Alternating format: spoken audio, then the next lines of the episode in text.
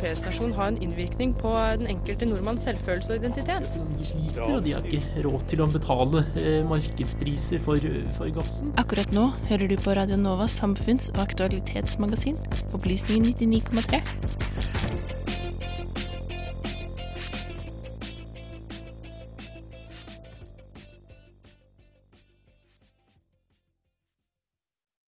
Ja, eh, med oss i dag har vi Brent Logan. You want to yeah, thank you for coming. Understand that you have been traveling around a bit. Hey there, thank you. Uh, yeah, yeah, I have been. Yeah, we've uh, had a series of global launches of this report.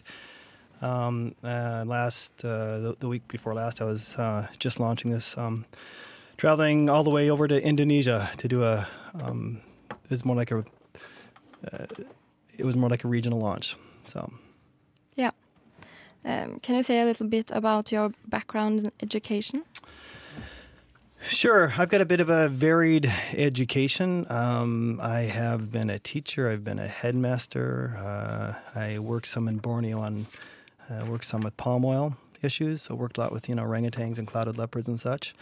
Um, and it was actually when I was working in Borneo and looking at the destruction of the rainforest because of palm oil that got me interested in food. Because what I realized is everything comes back to food. And what people want to talk about more than anything else is food, is what they're putting in, you know, what they're putting into their mouths and health. So I came out of the jungles and I came here to eat, and uh, I'm now working on food issues. Yeah. So, so this EAT report, um, can we trust it?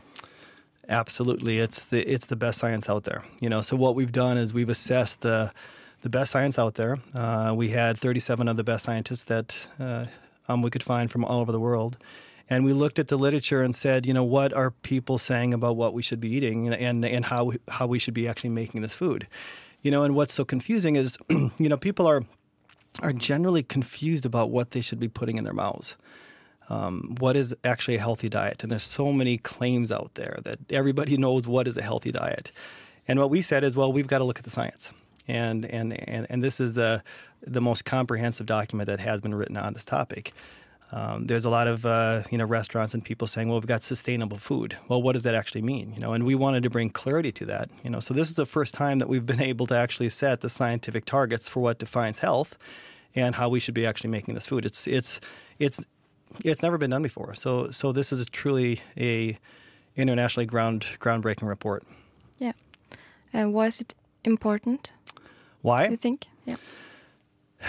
Well, you know, the world has signed on to fighting climate change. I think um, we talk about that quite a bit. Uh, we've signed on to the SDG, Sustainable Development Goals, um, and that's by 2030, climate change by 2050 and beyond. But the thing about it is, is we will not meet these international targets if we don't change a food system. You know, we, we, that that that will not happen. Those will be, um, it will not be possible to actually meet these.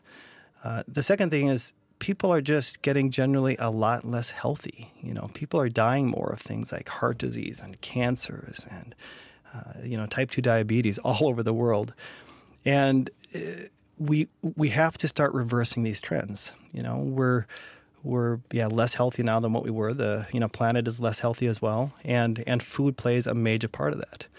Uh, but the thing about it is, is we didn't know how to fix it. You know, we didn't have targets before this, and now for the first time, we actually have those goalposts. We actually know where we have to go, what targets we have to shoot for, uh, and now we can start um, getting to work and and and trying to fix it. Yeah. And uh, what's the plan to make people understand the importance of this report? Well, first step was uh, we had to write it, you know, and we had to write it, and we we actually had to set these targets, and that took a really long um, time to do this.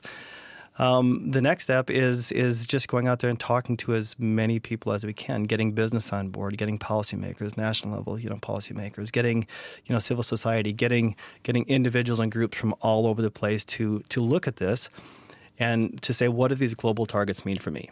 What does this diet mean to me? How can when, when i walk into a supermarket what does it actually look like? When i uh, am setting policies for the national government how do i actually do it what do i follow so, so it's a translation of this report from from these global targets into something that makes sense to a person or a you know country or a business is is the next step that we are working on now Yeah. Do you think uh, Norway is a potential candidate for this, or do you think like the government will approve?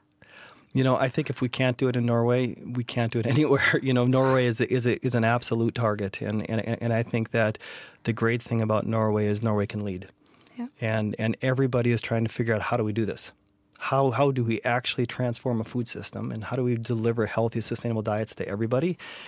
And you know, Norway can be that shining star. They can they, they can set the example so that we can say it is possible. It is possible to have healthy food for everybody. Do it within within the environmental limits that that the earth places upon us, and still make money and still be profitable and still and, and still have an economic system and and and uh, um, uh, yeah, healthy healthy system. So. Yeah. And um, yeah, one thing I hear about uh, this is criti- criticism is about the the leaders taking yeah private jets and helicopters. Mm. And um, would you say something about that and why people are hung up on this?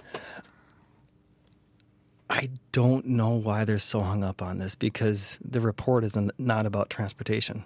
It's not about flying, and and and uh, that that's not the point of this report. You know, and like the intro to this was lead by example, right? And I absolutely agree 100% that we have to lead. Um, and and when you look at you know Gunhild and others, I mean they are eating this diet. They are walking the talk. You know, we we are eating this diet. We have adopted this diet. Um, you know, the matter of the fact is is is we also have to get out there and you know spread the word.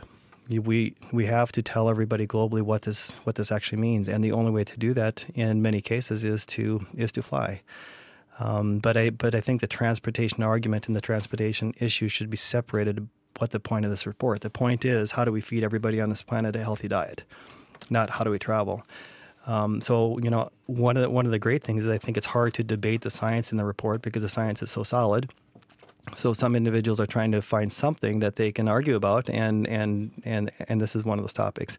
But I think it's a it's a bit of a diversion, um, and it shouldn't. Uh, uh, it shouldn't divert us from the importance of this report and what we're trying to do with it. No. And um, what do you think overpopulation is not mentioned? It is. It is. Yeah. So so we actually do talk about it, but we don't focus on it. And the reason that we don't is because um, the current trends are telling us that we're set for about 10 billion people by 2050. You know, those that's it's like those decisions have been made. We're kind of on that pathway, right? Uh, but the point of this was not to address population control issues. You know, is to say where are, are we going to be by 2050, and that's about 10 billion people, and how much food can we actually deliver healthy diets to that many people? Now, the tricky thing is, is, is we can't go much above 10 billion people. You know, we really have to start to stabilize a population at about 10 billion. Um, and, and, and that's an issue that has to be addressed. Um, if, if, if we go up to 11 or 12 billion, like some are saying that we will, uh, it's going to be tricky feeding everybody um, a healthy diet. Yeah. Thank you so much. Thank you very Um, much. It's my pleasure.